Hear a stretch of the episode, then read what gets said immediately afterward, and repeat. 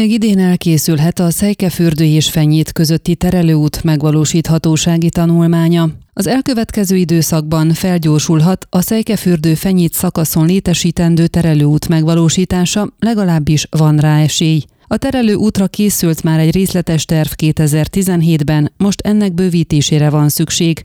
Nyilatkozta lapunknak Zörgő Noémi, a Székelyudvarhelyi Polgármesteri Hivatal szóvivője. Tavaly szakértőkkel ellenőriztették, hogy mennyire aktuális a dokumentáció, amit el is küldtek a közúti infrastruktúrát kezelő országos társaságnak. A meglévő tervben szereplő útvonal Szejkefürdőtől indulna, és a Dombgerincen vezető mezei út mentén haladna Fenyéd irányába. A Csennejáír szerint viszont nem biztos, hogy a tervben kijelölt szakasz a legmegfelelőbb megoldás, javasolják további próbafúrások elvégzését, valamint kérik a tanulmány kiegészítését alternatív útvonalak megjelölésével. Ehhez egy millió lejes támogatást kapott Székelyudvarhely Harkita megye tanácsától, az összeget a márciusi rendes havi tanácsülésen foglalták bele a helyi költségvetésbe, azonban egy újabb határozat kell majd hozzá, hogy az aktualizálást kiírják közbeszerzésre. A részletesebb, aktualizált megvalósíthatósági tanulmány elkészítése mintegy 1,1 millió lejbe kerül, a megyei tanácstól kapott összeget tehát további 100 ezer lejjel kell a városnak kiegészítenie. Ez mindenképpen elkészülhet még idén, feltéve, hogy a kiírásra lesz jelentkező, tette hozzá Zörgő Noémi.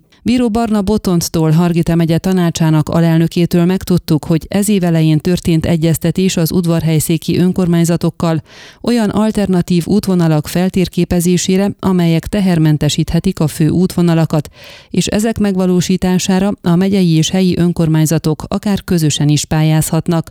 Ezt követően a Székelyudvarhelyi önkormányzat kérésére múlt héten szavazták meg az 1 millió lennyi összeget a megyei költségvetésből a Szejkefürdő fenyét közötti terelőút megvalósíthatósági tanulmányára. A támogatást azért tartották fontosnak, mert a tapasztalat azt mutatja, hogy sikeresebben lehet hazai vagy Európai Uniós forrásokat lehívni, amint legalább egy ilyen tanulmány kész van. Ön a Székelyhon aktuális podcastjét hallgatta. Amennyiben nem akar lemaradni a régió életéről a jövőben sem, akkor iratkozzon fel a csatornára, vagy keresse podcast műsorainkat a székelyhon.pro portálon.